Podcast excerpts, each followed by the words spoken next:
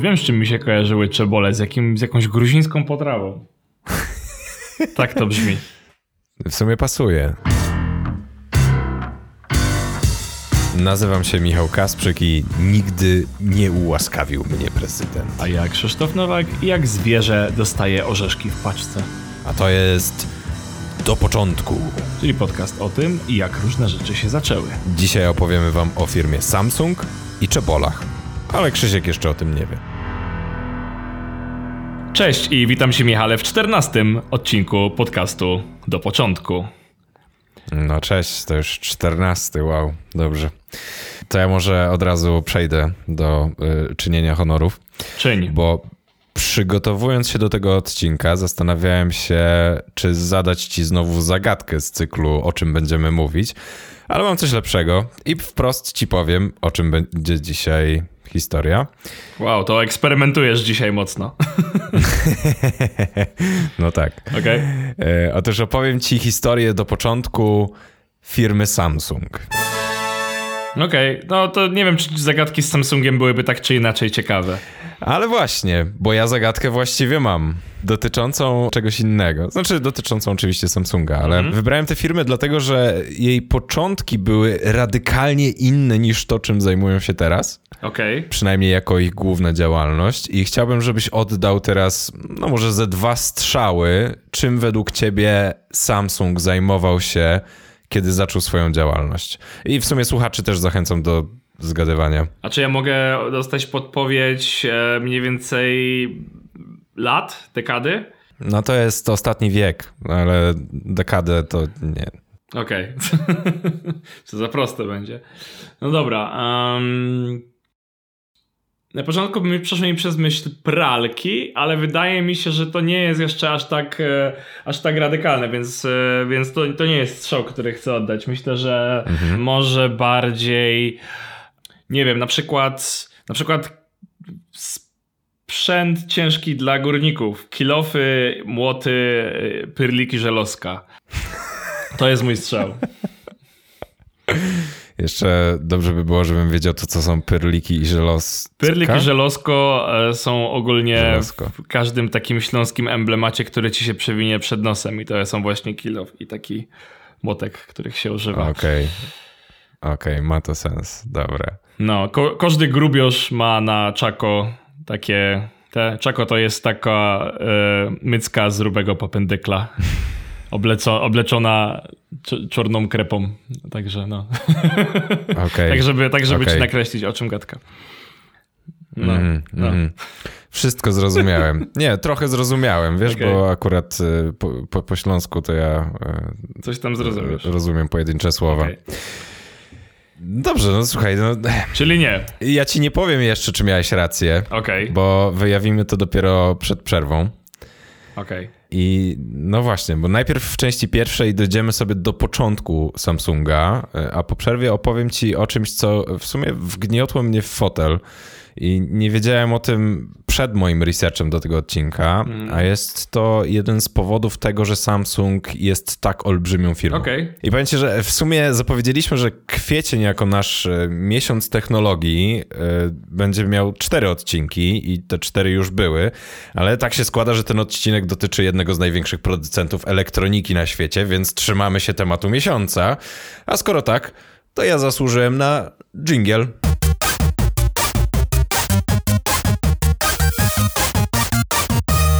Idźmy do początku. Tak jest.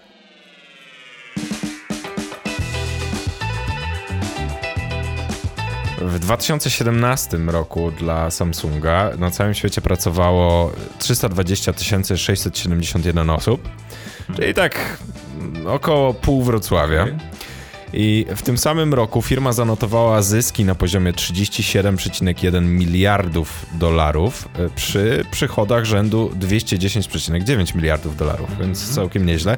A te stawki na pewno są już dużo wyższe, e, dlatego że gdzieś tam przewinęła mi się liczba e, z 2018 dla jednej z ich podspółek i ona już była wyższa, więc okay. cała firma na pewno też zarobiła więcej. I co niewiarygodne, ta kwota jest równa 17% produktu krajowego brutto Korei Południowej, Hmm. z której firma pochodzi. Wow, no. I jednocześnie Samsung odpowiada za około 1 piątą krajowego eksportu tego kraju. I teraz pytanie, no skoro oni tyle eksportują, to jakie rodzaje produktów Samsunga potrafisz wymienić? No w zasadzie całą elektronikę, tak? To, bo to jest bardzo szerokie, więc...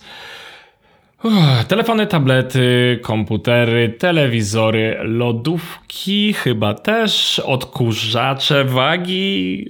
Tak, coś mi się też kojarzy, że mają ogólnie wszystko RTV i AGD z góry na dół, z tego co mi przychodzi do głowy. No dokładnie. Ja tu wypisałem właśnie między innymi to, co wymieniłeś i tak telefony, telewizory, laptopy, smartwatche, gogle do VR, aparaty fotograficzne, głośniki, odtwarzacze płytowe, słuchawki, drukarki, dyski twarde, tablety, pendrive'y, kuchenki mikrofalowe, pralki, suszarki, lodówki, zmywarki, piekarniki, płyty indukcyjne, odkurzacze. No. Ale to oczywiście nie są wszystkie produkty, bo nie chciałem spędzić nie wiadomo jak dużo czasu e, wypisując je i co dopiero później je wymieniając. Ale może powinniśmy zrobić z tego piosenkę, tak jak e, WWO mieli halabardy. Nie znam, ale... No co ty, że nie znasz? Ostrze noże i nożyczki, halabardy i pilniczki, aparat czeski, gwoździe pineski? No musisz to znać. Dobra, no dobra, no to słyszałem. No, Aczkolwiek to nie moje klimaty muzyczne, więc nie pamiętałem okej, o tym. okej. Wiesz co, dorobię jakąś muzykę Okej, do tego. okej, to powinno. I wrzucę, wrzucę jako bonus, będzie na, czekać na słuchaczy na końcu odcinka. No dobra, to już wiemy mniej więcej, co robi Samsung, czyli praktycznie wszystko RTV i pra praktycznie też wszystko AGD, na dobrą sprawę. No dobra, ale gdzie to się zaczęło? Mhm. Znaczy, gdzie? W Korei, ale kiedy? I dlaczego? Nie tak szybko, Uhoho. bo Samsung nie zajmuje się tylko elektroniką, Mhm.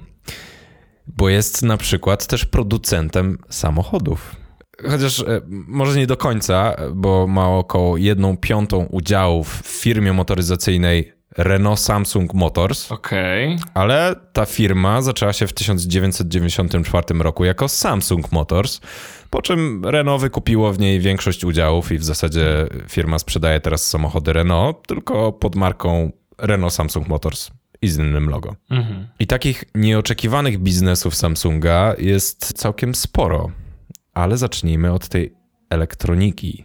Sporo tego jest i ciężko wybrać najbardziej kluczowe informacje, ale jest kilka niedawnych sytuacji związanych z elektroniką Samsunga, które chciałbym po prostu przytoczyć. No i oczywiście musimy ten najnowszy temat poruszyć, czyli e, najnowszy telefon Samsunga, e, składany smartfon o nazwie Fold, bo on jest w pewnym stopniu jakąś tam rewolucją, aczkolwiek akurat moim zdaniem nie jest to tak duży game changer jak na przykład pierwszy iPhone.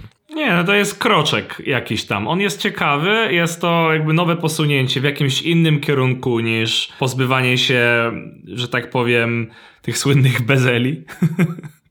nie wiem, nie wiem, e, ramek w telefonach? Bo tam w zasadzie Tak, wszyscy tak. się ścigali o te ramki i w końcu, o, no dobra, to jest tro- coś trochę innego. No ale właśnie... Al, albo dodawanie noczy, e, tudzież usuwanie no, tych no, mini no. jacków. No tego, to jakby, no, jakby, no okej, jest to jakiś tam krok, nie? Mhm. No Ja uważam, że to jest e, krok w kierunku rozwoju smartfonów i że one będą miały coraz bardziej niestandardowe kształty i dzięki temu będą też wygodniejsze i będą dawały większą możliwość dostosowania do potrzeb każdego użytkownika. Mm.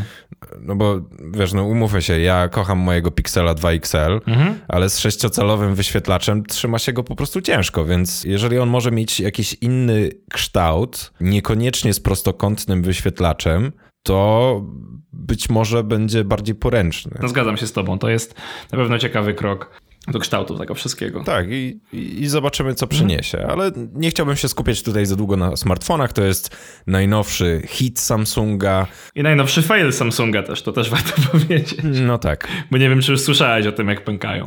tak, słyszałem właśnie, że pękają. No ale taki jest koszt bycia innowatorem, nie? Także.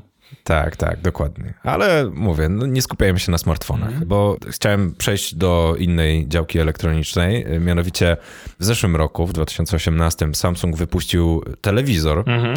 który nazwał The Wall O. i ochrzcił go jako pierwszy modularny telewizor. I chodzi w nim o to, że zastosowana w nim technologia modułowa, tudzież modułów składających się na całość ekranu, mhm. pozwala na stworzenie wyświetlacza o w zasadzie dowolnej wielkości mhm. do 146 cali. To jest bardzo ciekawe. Czyli jeśli masz salon, w którym ściana na telewizor ma na przykład 2,5 metra na 2,5 metra, albo 7 metrów kwadratowych około, prawie, to proszę bardzo, dokładnie taki ekran możesz sobie zamówić. Czyli wymiary szerokości i wysokości możesz w pewnym stopniu zmieniać i możesz mieć na przykład telewizor, który jest bardzo szeroki mm -hmm. albo bardzo wąski, chociaż no bardzo wąski to akurat myślę, że ma mniej sensu. To jest bardzo ciekawe, że oni to zaproponowali, bo w zasadzie modularność zawsze kojarzyła mi się z czymś, co nie opłaca się takim firmom, nie? -hmm. Znaczy, ja może tu jeszcze doklaryfikuję, bo nie chodzi o to, że ty możesz sobie sam zmieniać ten telewizor, -hmm tylko zamawiasz go w takim rozmiarze, jaki akurat chcesz. A, możesz go zamówić raz. Tak, dokładnie. Może to jest taka modularność jak konfiguracja komputera. No dobra, no. Tak, tak. Bardziej pomaga producentowi niż odbiorcy, natomiast jednocześnie oni tam zastosowali technologię microLED, która ponoć jest równie dobra albo nawet i lepsza okay. jak technologia OLED zastosowana w najlepszych telewizorach, czyli ma super głębokie czernie mm. i bardzo dobre jasne elementy, więc w ogóle cudo. No i przynajmniej tak. może go sobie dobrać do mebli, więc to też jest ok, tak? No spoko. Prawda. Tylko oczywiście technologia jest na razie diabelnie droga mm. i nieoficjalna cena, którą znalazłem, cena 100-calowego telewizora to 10 tysięcy dolarów. no to jest dużo kasy. No dosyć. No ale Samsung jest wiodącym producentem telewizorów, bo jest numerem jeden od 2005 roku. Hmm. To by się Dobra, zgadzało. to dalej. Mhm. Kolejna warta przypomnienia historia historia Samsunga Note 7.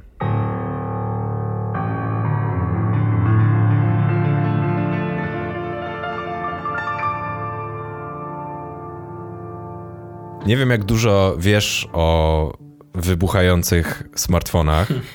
I, I na pewno słyszałeś o tym, że one wybuchały, hmm. ale jestem ciekaw, czy wiesz, co się stało później. Wiesz, no byłem kilka razy na lotnisku, gdzie wisiały takie piękne znaczki z napisem z Note'em 7 nie wpuszczamy, nie? Hmm, no dokładnie, coś takiego się działo.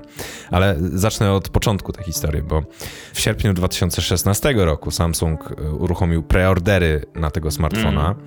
i rekordowo dużo ludzi go zamówiło. Okay ale krótko po premierze okazało się, że bateria w tym modelu jest niestabilna, przegrzewa się i nawet grozi mhm. wybuchem, co parę razy właśnie się zdarzyło. No i tak jak powiedziałeś, no niektóre linie lotnicze nawet zabroniły wnoszenia tych telefonów na pokład samolotów, ale Samsung na szczęście podszedł do całej sytuacji bardzo profesjonalnie. -hmm. Bo do października, czyli w ciągu tam dwóch, trzech miesięcy, odzyskano od klientów aż 96% egzemplarzy telefonu, co wiązało się z tym, że ten model zamiast przynieść wymierne zyski kosztował firmę ponad 5 miliardów dolarów. No ale to mała strata, jeśli wizerunek jest tutaj na szali.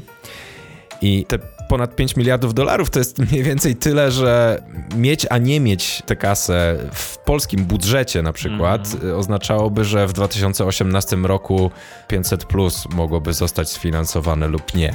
Okej. Okay.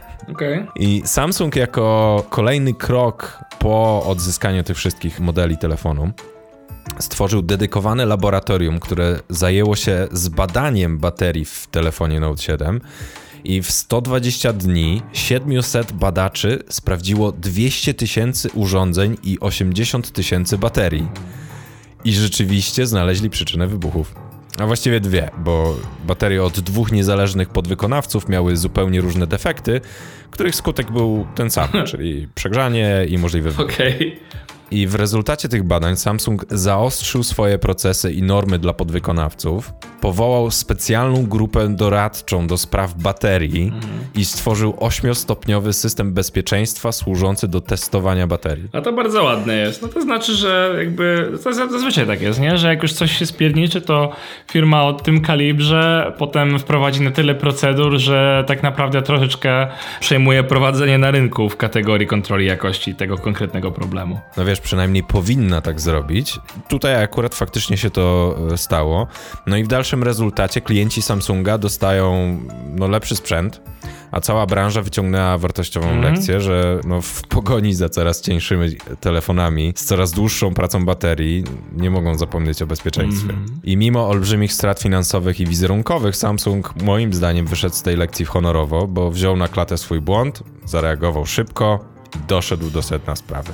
No tak, oni chyba wymienili te telefony później i jakoś tak to też. E, wydaje mi się, że konsumentom to też jakoś tam rekompensowali, także jest chyba ok. Oni najpierw wymieniali te telefony, ale później się okazało, że wymienione też nie, coś tam z nimi nie mm. działa, w związku z czym wszystkie odebrali i zwrócili pieniądze mm -hmm, klientom. Mm.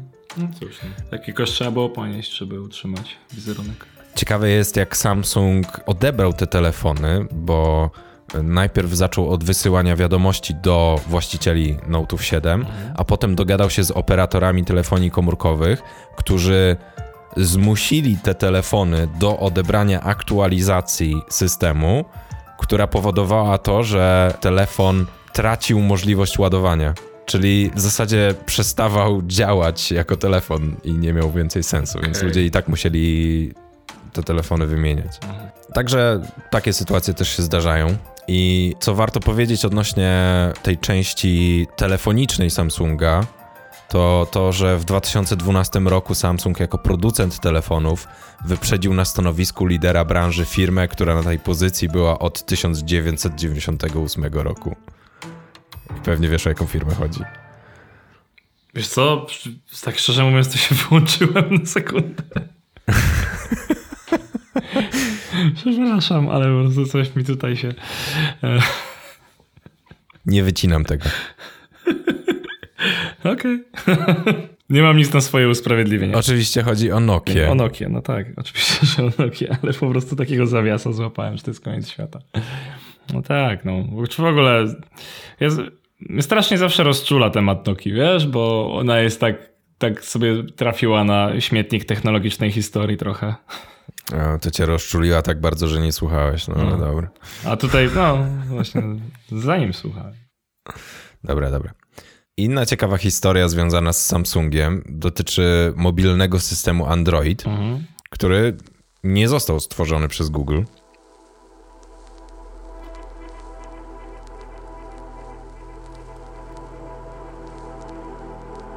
Android funkcjonował najpierw jako niezależny startup z olbrzymimi ambicjami, który no, szukał finansowania. I w 2004 roku wszyscy ośmioro założyciele polecieli do Korei Południowej na spotkanie z 20 dyrektorami Samsunga, gdzie pokazali swoje plany na stworzenie mobilnego systemu operacyjnego na telefony komórkowe. Przepraszam, ale przychodzi mi do głowy strasznie suchy żart. Dajesz.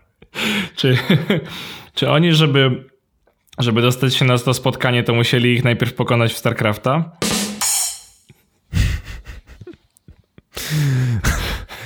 tak, to było bardzo suche. A tam warto było. Niczego nie żałuję. W każdym razie, Andy Rubin, hmm. jeden ze współtwórców systemu, powiedział, że tuż po prezentacji przedstawiciele Samsunga siedzieli w kompletnej ciszy. Hmm. Potem wyrazili niedowierzanie, że taki mały startup stworzy taki system operacyjny.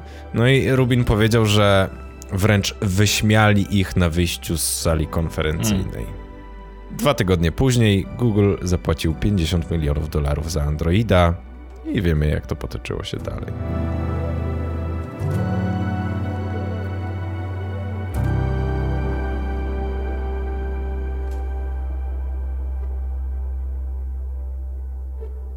Kluczowy dla Samsunga był początek lat 2000 i koniec lat 90. Firma była wtedy nastawiona głównie na produkcję podzespołów elektronicznych i na szczególną uwagę zasługiwały wtedy ich pamięci do różnych urządzeń. Co ciekawe, w 2005 roku zaczęła się współpraca Samsunga z jednym z ich największych rywali na rynku smartfonów, czyli Apple. Mhm. Samsung teraz dostarcza wiele podzespołów, między innymi do iPhone'ów, ale zaczęło się właśnie od modułów pamięci. Mhm. Powodem skupienia się na podzespołach było m.in. to, że marka była postrzegana jako budżetowa, tudzież niskobudżetowa, a chciała rywalizować z Sony o prym na rynku elektroniki. Okay. I w związku z tym ich strategia się zmieniła i postawili na to, żeby lepiej zrozumieć, jak tworzyć produkty i jak rozwinąć technologię, żeby wyprzedzić konkurencję. Dużo inwestowali też w promocję swojego brandu, między innymi sponsorowali olimpiadę. Swój pierwszy telefon komórkowy Samsung wyprodukował w 1988 roku. I z tego co ja zrozumiałem, to był to telefon montowany w samochodach, ale był słaby. To w ogóle było super. Widziałeś te telefony montowane w samochodach? One były turboszadowe. Tak, tak, widziałem. To tylko gangsterzy w filmach mieli te telefony. No, dokładnie. I prezydent. No. Stanów oczywiście. oczywiście. Nie ma innych prezydentów w filmach. Coś w tym jest. No. Ale telefon sprzedawał się kiepsko, a użytkownicy narzekali na jego jakość. Mhm. Idąc dalej do początku. W 1983 roku Samsung zaczął produkcję dynamicznych pamięci RAM, co było dla firmy prawdziwą rewolucją, bo wcześniej produkowała różne sprzęty, m.in. kalkulatory, lodówki, klimatyzatory, pralki i telewizory, ale te pamięci były czymś szczególnym. Idąc dalej, do 1981 roku wyprodukowali 10 milionów czarno-białych telewizorów, które były ich pierwszym produktem. I teraz pytanie, ile lat im to zajęło? 12. Okej. Okay. Samsung Electric powstało w 1969 roku. Ale to nie był początek Samsunga, tylko Samsung Electric. I chciałbym tutaj przeskoczyć do innego biznesu, który jest częścią grupy Samsung, mianowicie do Samsung Construction and Trading Corporation, która w ostatnich latach zrealizowała kilka, no, powiedziałbym, że całkiem ambitnych projektów. Na przykład zbudowali Burj Khalifa, czyli najwyższy budynek świata. Taki tam projekcik. Taki tam, taka, taki projekcik po godzinach zrealizowany. Weekendzik był. Żeśmy ze szwagrem tak, tak. mieli flachę do obrócenia. I się tak rozpędziliśmy. No, na te 800 metrów z hakiem. W każdym razie ta część Samsunga jest tą, która w nieco zmienionej formie pokaże nam początki firmy. Ale zanim to, to chciałbym jeszcze powiedzieć, że Samsung ma też biznesy związane z modą, finansami, ubezpieczeniami, handlem, biotechnologią, medycyną, budową statków. Ma też sieć hotelową oraz najstarsze w Korei Południowej wesołe miasteczko. I to jeszcze nie jest wszystko, ale nie wchodźmy głębiej. Okay. Przez to, jak duża jest to firma, to w Korei jest określana mianem Chaebol, tudzież spolszczając to Chebol, czyli konglomeratu lub koncernu, choć dosłowne tłumaczenie tego pojęcia jeszcze przed nami w części drugiej. A teraz idźmy do początku Samsunga. Oczywiście elektronika jest dużą częścią historii firmy, więc dodam tylko kilka ważnych informacji. I tutaj zaczyna się dziwność tej historii. Nie wiem, czy kojarzysz, ale Nokia na początku swojego istnienia była zakładem przetwórstwa drewna. I bardzo podobnie pod kątem dziwności jest też tutaj. W 1954 roku Samsung otworzył produkcję tekstyliów. I ten biznes wciąż jest częścią grupy. O, proszę. Ale robi się dziwniej. Okay. W 1953 roku Samsung założył biznes, który odłączył się już od grupy w latach 90. Założył cukrownię. Tylko to nie był jeszcze początek. Sama firma powstała z inicjatywy pana Lee Bayang-chal, który zaczął od handlu. Otworzył firmę, która produkowała i rozwoziła do sklepów głównie rzeczy spożywcze, w tym nudle i suszoną rybę. Zaczęło się od 40 pracowników i było to w roku 1938. A wiesz w ogóle, co znaczy Samsung? Nie. Trzy gwiazdy. bo założyciel stwierdził, że to będzie coś, co będzie szerokie, duże, będzie reprezentowało dużo różnych biznesów. No i można powiedzieć, że słusznie to przewidział. Szapoba. I teraz ważne pytanie. Jak firma handlowa przekształca się w potentata branży elektronicznej, wywodząc się z kraju takiego jak Korea Południowa? O tym po przerwie.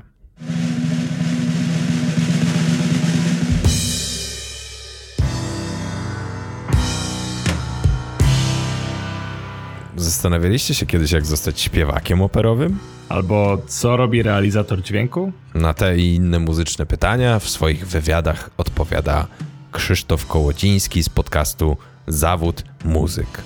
Podcast jest dostępny. Dostępny. Jest dostępny na Spotify'u. Na Spotify. Zapraszamy do słuchania.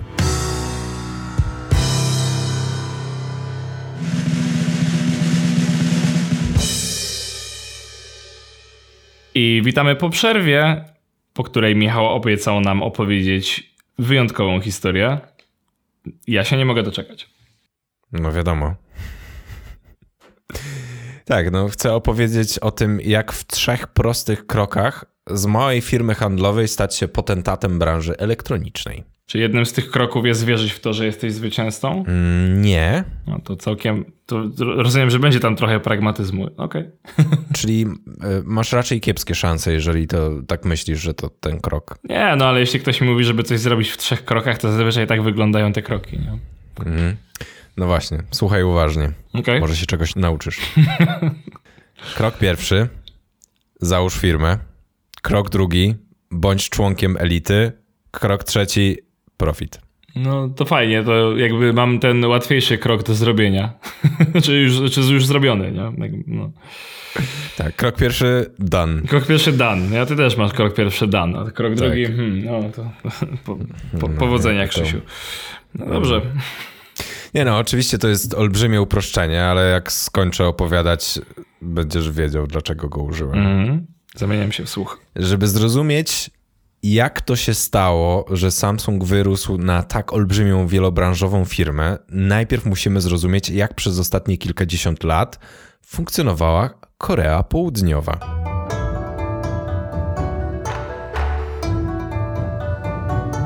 Teraz Chris, spójrz proszę na ten wykres produktu krajowego brutto na osobę i powiedz słuchaczom, co widzisz. No nieźle. No to, to jest taki startupowy hockey stick, powiedziałbym. Mhm. To jest dość zabawne. Tak. Czekaj. Mhm. Okej, czyli odło- odłączamy się od Korei Północnej i nagle wszystko idzie do góry. Mhm. No, bo jeszcze przez, jeszcze przez pierwsze 10 lat szły mniej więcej podobną prędkością, a później różnica zwię- zwiększyła się. Były jakieś takie małe dołeczki, które były tylko ten, tylko kryzysami gospodarczymi, ale poza tym to wszystko waliło w górę jak szalone z tego co widzę. Mhm, dokładnie. Link do wykresu oczywiście będzie w notatkach, no ale widać na nim olbrzymi rozwój i to nie tylko w stosunku do Korei Północnej, która od lat 50. została na tym samym poziomie jak wtedy, ale olbrzymi rozwój Korei Południowej w ogóle. Mhm. I Korea Południowa w ciągu 60 lat przeszła od bycia krajem rozwijającym się do bycia krajem rozwiniętym, co w 2010 roku zostało zwieńczone przyjęciem tego państwa w szeregi grupy G20, czyli grupy najbardziej rozwiniętych krajów świata.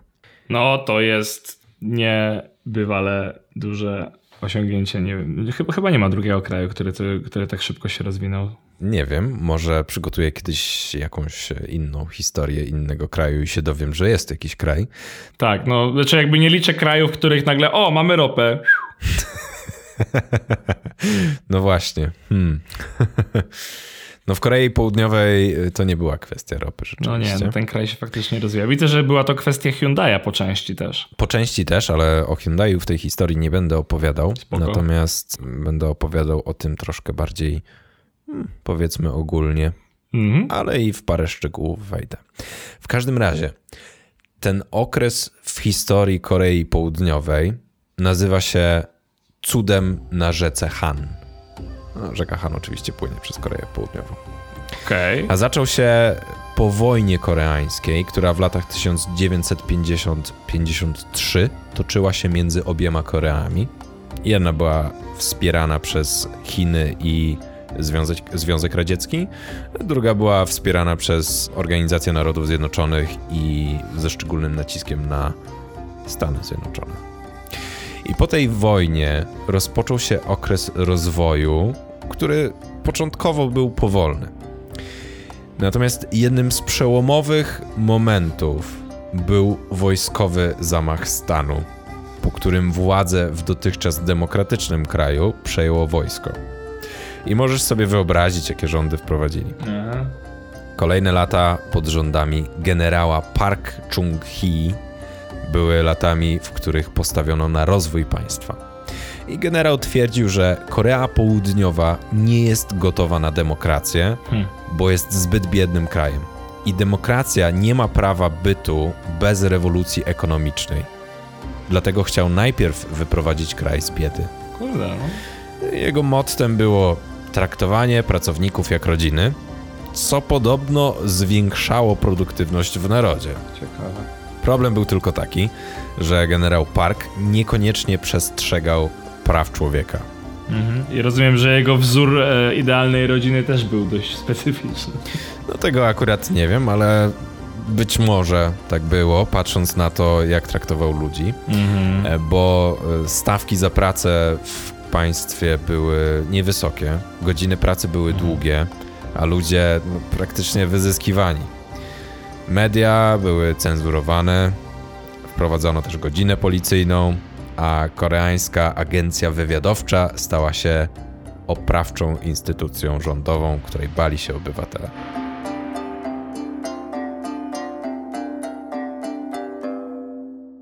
Ale od roku 1972 rząd postanowił inwestować więcej w przemysł ciężki i elektronikę. Mhm. I to był strzał w dziesiątkę, bo dzięki temu wiele firm mogło się szybko rozwinąć. Przypomnę, że Samsung wszedł w branżę e, w roku 1969.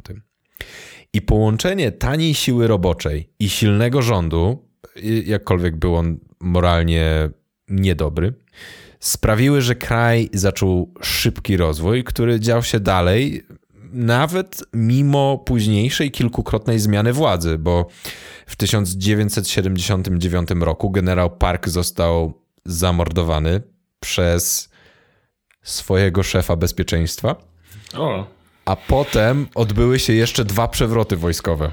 okej. W każdym razie, już pod koniec 1995 roku Korea Południowa stała się 11 największą gospodarką świata. Wow. I teraz, dlaczego historia Korei jest tutaj ważna? Ano dlatego, że to, co się stało, sprzyjało powstawaniu tak zwanych czeboli. Tudzież, jakby to powiedział Koreańczyk, Cajbol. Słowo czebol pochodzi od dwóch słów oznaczających bogactwo i klan. Czyli można uznać, że to mhm. klan bogaczy. Albo definiując to słowo, chodzi o konglomerat lub koncern, czyli firmę, która ma pod sobą mnóstwo innych firm działających w różnych biznesach. I każdy czebol jest firmą rodzinną. Słyszałem o tym. Słyszałem co, coś tam mniej więcej o tym. Wiesz co, w popkulturze to czasami jest przebąkiwane, ale wydaje mi ale nie wiedziałem, że to faktycznie istnieje tak dość jakby na, na, na, na skalę krajową. Oj, bardzo na skalę krajową i czebole miały olbrzymie znaczenie w rozwoju Korei. Ciekawe. Teraz jest ich ponad 40, ale zaledwie czołowych 5 jest tak dużych, że są warte połowę wartości całej koreańskiej giełdy. Wow. Są olbrzymie firmy. Ale ich powstanie oczywiście nie obyło się bez kontrowersji, bo kiedy wojskowi przejęli rządy, zapowiedzieli walkę z korupcją i aresztowali wielu przedsiębiorców. I później dogadali się z nimi i zamienili kary więzienia na grzywny w zamian za współpracę przy rozwoju kraju. I generał Park wiedział, że współpraca z Czebolami będzie kluczowa dla rozwoju kraju i można powiedzieć, że rząd wyznaczał plan, a czebole go realizowały.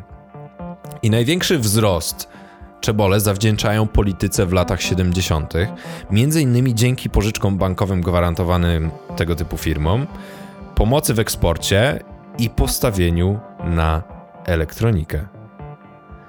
Współpraca między rządem i czebolami była kluczowa dla rozwoju Korei Południowej i jak sugeruje cud na rzece Han, ten plan się udał. Hmm. Tylko, że przyniósł ze sobą też dużo złego. Kojarzysz taką piosenkę niszowego koreańskiego artysty, która nazywa się Gangnam Style? No. I brzmi tak? Tak naprawdę jej nie puściłem, ale twój mózg zrobił to w moim imieniu, więc y, podziękuję mu i powodzenia z zapętleniem tej piosenki w twojej głowie przez następne 12 godzin. Ten utwór jest pewną parodią dzielnicy Seulu, która nazywa się Gangnam. Mhm. To bardzo bogata dzielnica, ale jeśli z niej jesteś, to raczej się z tym nie obnosisz. Natomiast jest mnóstwo ludzi, którzy obnoszą się jak paniska i którzy mówią na prawo i lewo, że w niej mieszkają, choć w rzeczywistości tak nie jest. I to właśnie z nich naśmiewa się Psy w swojej piosence. Ale to, że ta dzielnica w ogóle istnieje, jest spowodowane między innymi olbrzymim rozwarstwieniem społecznym. Bogate elity, członkowie rodzin kontrolujących czebole, duszą się we własnym sosie. Do tego stopnia, że dzieci właścicieli czeboli są ze sobą swatane i zawiera się strategiczne małżeństwa. Czyli tak jak małżeństwa były zawierane na początku. tak. I między innymi w średniowieczu. Miałem na myśli też starsze czasy typu Cezary Kleopatra i tego typu historie. No, to jednak zawsze chodziło w dużej mierze o zwiększanie potęgi rodziny, ale oczywiście. No dokładnie. Widzę, że tutaj się to też wiele nie zmieniło. Mhm. Z badania przeprowadzonego w 2017 roku na 310 tak zwanych czebolitach, aż jedna trzecia była po ślubie z osobą z innej takiej rodziny, a prawie jedna piąta była w związku z przedstawicielami rządu lub politykami. W Samsungu jedna trzecia członków rodziny poślubiła osoby z innych czeboli. Okay. No dobra, ale elity są hejtowane w zasadzie w każdym kraju. No jasne. Więc gdzie konkretnie leży problem? Mianowicie w tym, że czebole zdobyły zbyt dużą władzę.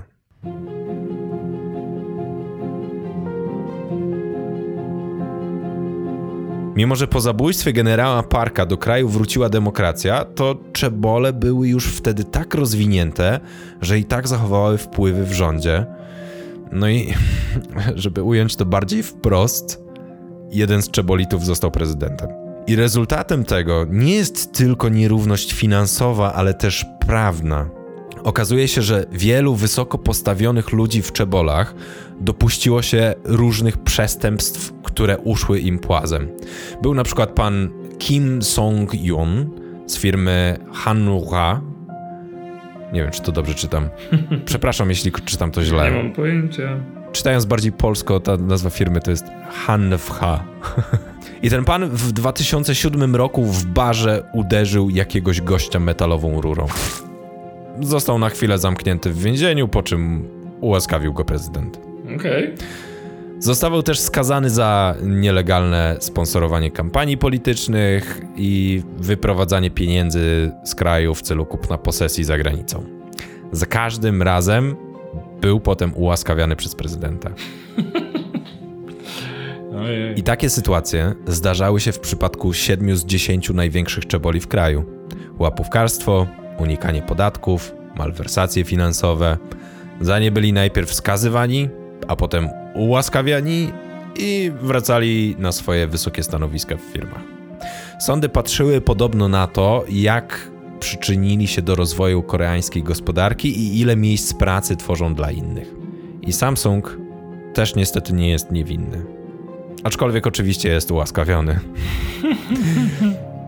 W 2008 roku Lee Kun-hee, członek zarządu Samsung Electronic, został skazany za dawanie łapówek członkom rządu. Skazany to znaczy orzeczono o jego winie. Dostał wyrok więzienia i musiał zapłacić grzywnę w wysokości 100 milionów dolarów. No, ale ułaskawienie sprawiło, że więzieniem nie musiał się martwić. A dlaczego? Bo był wtedy członkiem Międzynarodowego Komitetu Olimpijskiego i był kluczowy dla wyboru Korei jako gospodarza zimowej olimpiady w 2018 roku.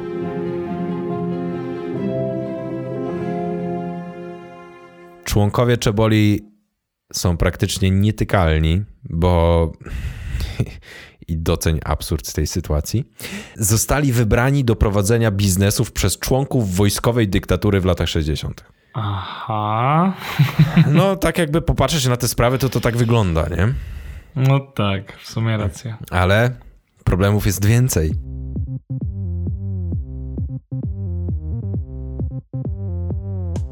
Była na przykład taka sytuacja, którą media nazwały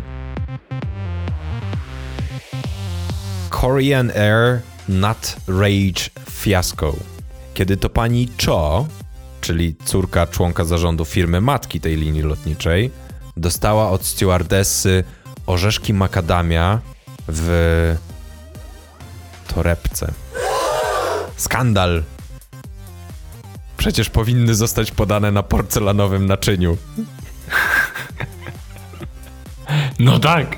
Jakże to w torebce? Jak zwierzętom? Dokładnie. I wyobraź sobie, że córeczka zarządziła, że samolot, który kołował już na pas startowy lotniska JFK w Nowym Jorku, miał zawrócić do terminalu, żeby wywalić stewardessę z samolotu.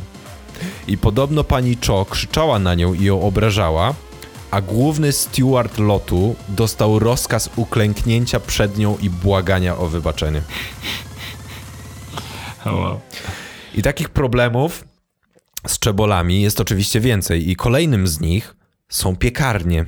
Piekarnie? Tak, no bo jakbyś się czuł, gdybyś był z dziada pradziada piekarzem prowadzącym małą, lokalną, ale dobrze prosperującą piekarnię i gdyby nagle w twojej okolicy pojawiła się franczyza piekarni prowadzonej przez rozpieszczone dziecko właściciela czebolu. I w dodatku nie dlatego, że to dziecko chce być przedsiębiorcą i zarobić na życie, tylko dlatego, że uważa, że prowadzenie piekarni może być ciekawym hobby. No tak. W 2012 zaczął się olbrzymi sprzeciw społeczeństwa przeciwko takim piekarniom. I pod wpływem nacisków Lee Bu-jin, czyli najstarsza córka wspominanego wcześniej Lee Kun-hee, sprzedała swoje piekarnie. Dwie inne młode czebolitki poszły w jej ślady też. Sytuację nazwano, i to pewnie też docenisz, wojnami tofu. Okej. A to dlatego, bo pojawiły się branże prawnie zakazane dla czeboli i na przykład właśnie produkcja tofu była taką branżą. To jest bardzo ciekawe. To dlaczego. Czyli to, czy, czyli to jest kwestia wyłącznie przebiegu wydarzeń, że w konkretnych branżach zabronili im się wpychać, tak? Na to wygląda, no. Okej. No bo w sumie tak myślałem, dlaczego konkretnie piekarnie, nie? Wiesz, jakby szło mi do głowy, że to równie dobrze mogłoby być, no, nie wiem. No dobra, rozumiem czemu piekarnia, no. Dobra. Okej, no faktycznie piekarnia to może być fajne hobby, okej, fine. No. Punkt dla czebolitów. Ale, czyli okej, czyli tofu jest zabronione czebolitom tak jak łaźnie jakuzie. no, Zakładam, że tak. Okej, ciekawe. Więc coś zaczęło się zmieniać.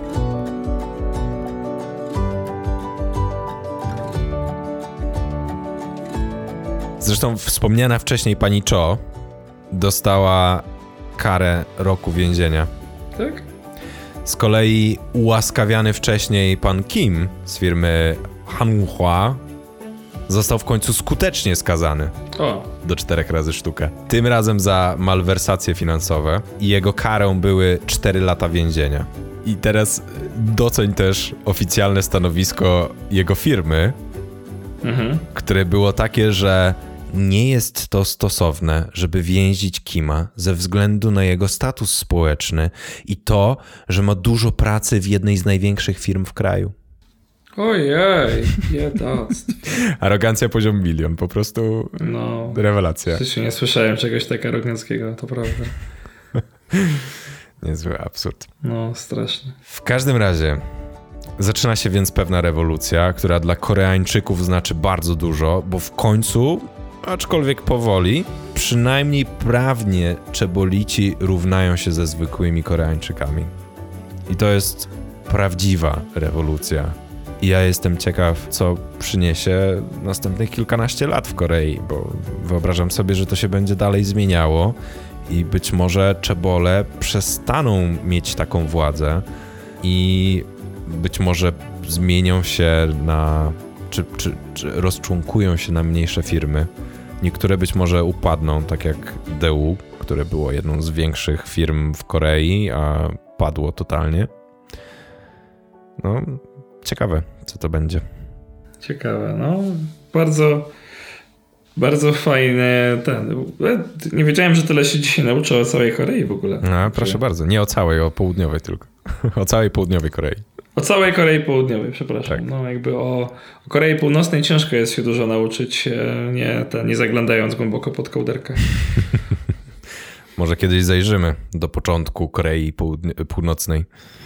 No jakbym się to w ogóle wybrał, wiesz, pojedziemy sobie na wycieczkę. Mhm. Tak, tak, z mikrofonami na wierzchu i będziemy nagrywać.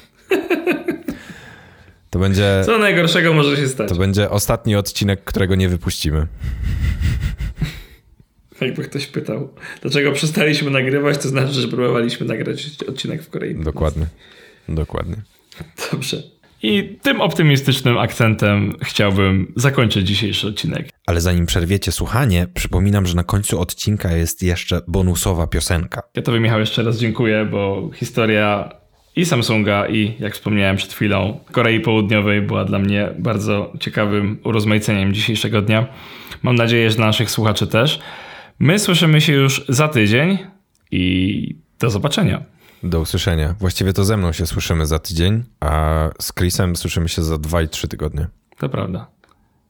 Ale jak chcecie się zobaczyć, to zapraszamy do Wrocławia. Dziękujemy, że tego odcinka podcastu do początku słuchaliście do końca. Ten odcinek został zedytowany przeze mnie, Michała Kasprzyka i wyprodukowany przeze mnie i Krzysztofa Nowaka. Muzyka w intro i reklamie została stworzona przez projekt Sheila. Jeśli odcinek Ci się spodobał, zasubskrybuj nas w Spotify, Apple Podcasts lub innej aplikacji do podcastów. Ich pełną listę znajdziesz na naszej stronie dopoczatku.pl.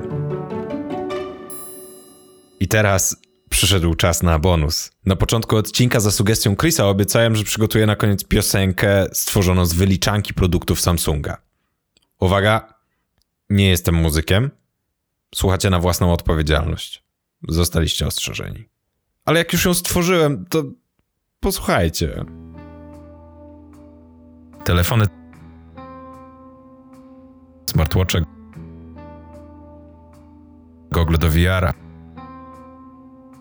i dyski twarde, głośniki, pendrive'y, piekarniki.